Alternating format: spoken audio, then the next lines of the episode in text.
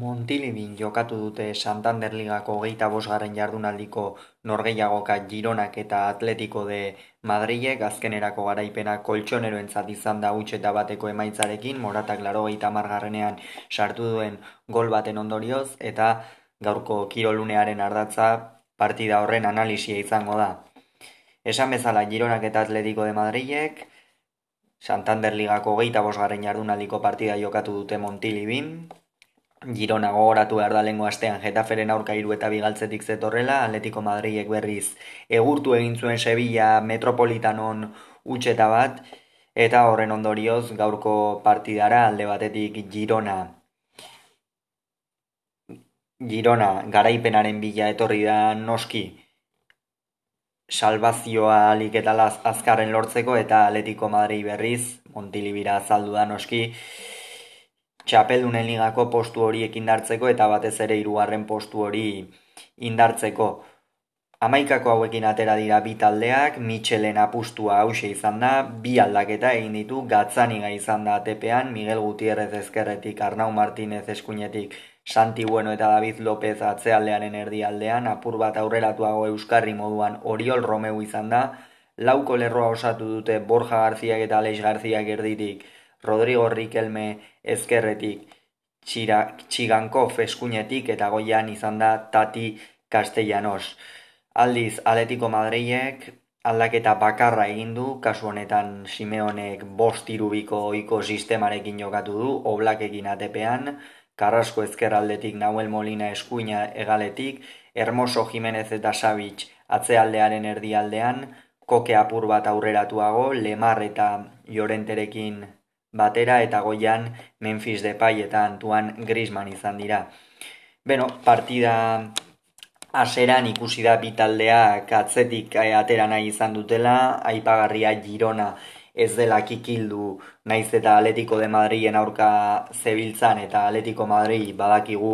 presioan zenolako taldea den oso intentsitate handiko presioa egin ohi du, baina Girona horrek ez du kikildu,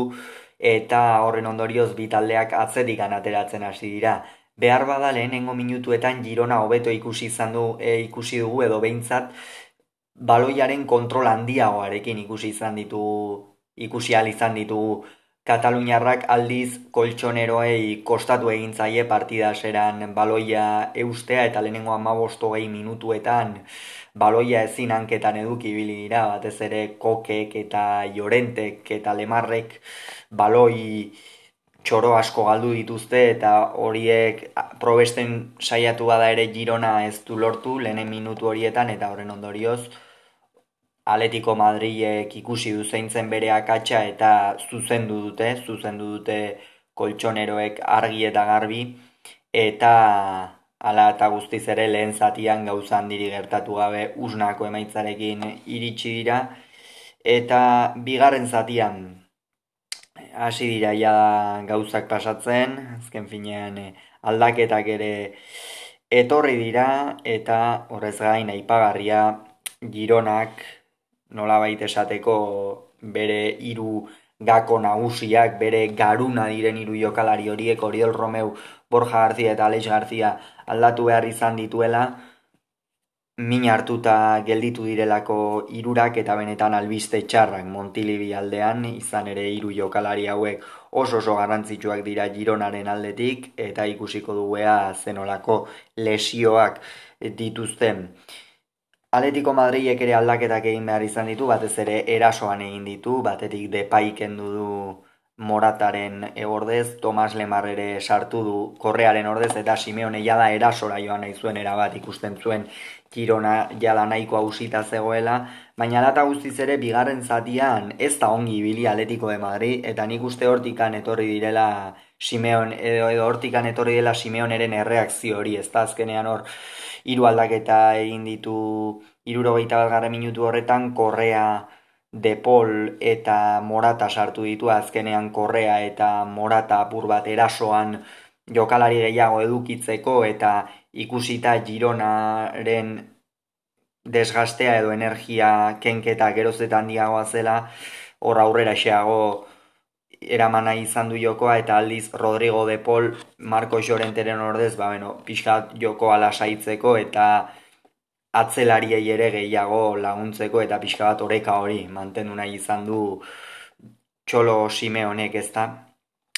Horren ondorioz nik uste Atletico Madrilek hobetu duela alata guztiz ere Gironak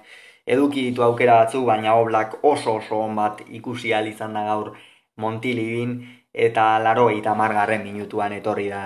polemika handiko gola nik uste heltzen ari dela. Ez dakit epaiek ligak hausnarketa bat egin beharra dauka berandu baino lehen izan ere ikusi besterik ganez dago atzo lenormani kendu zioten gola Dani Rodríguez une oro elastikotik heltzen ari zaio frantziarrari aldiz gaurkoan hermoso une oro gironako jokalari bati heltzen ari zaio eta lata guztiz ere epaia gola eman du. Ez dira, ez dira erabakiekin argi geratzen epaileak nik uste ligak ere ez dakiela ja zer egin eta horrela oso zaila da norgeiagoka justuak ateratzea. Kontua kontu partida utxeta bateko emaitzarekin amaitu da,